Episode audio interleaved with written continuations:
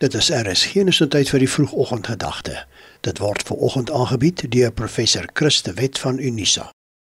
In Matteus 5 lees ons dat Jesus die berg klim.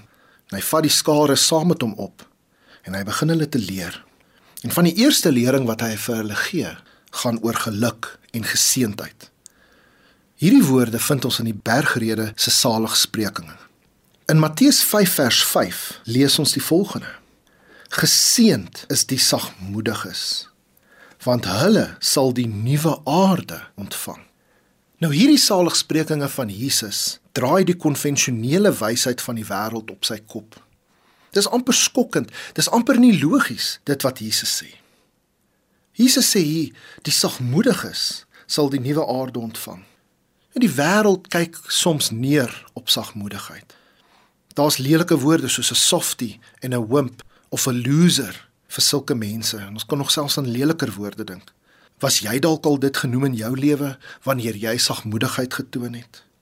In die wêreld vandag ongelukkig is mag en dominansie baie aantreklik vir mense.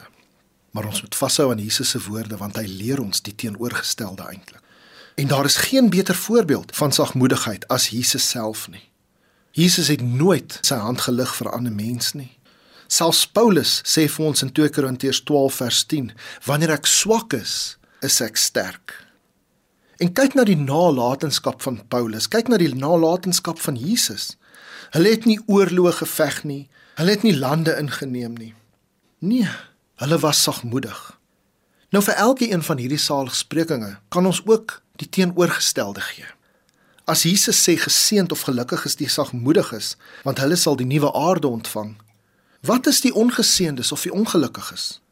As ek 'n alternatiewe vertaling en 'n teenoorgestelde vertaling vir hierdie vers moet gee, sou dit as volg wees: Dit is jammer as jy dink jy is magtig en net ander wil gebruik en seermaak, want daar sal nie plek vir jou in die nuwe aarde wees nie.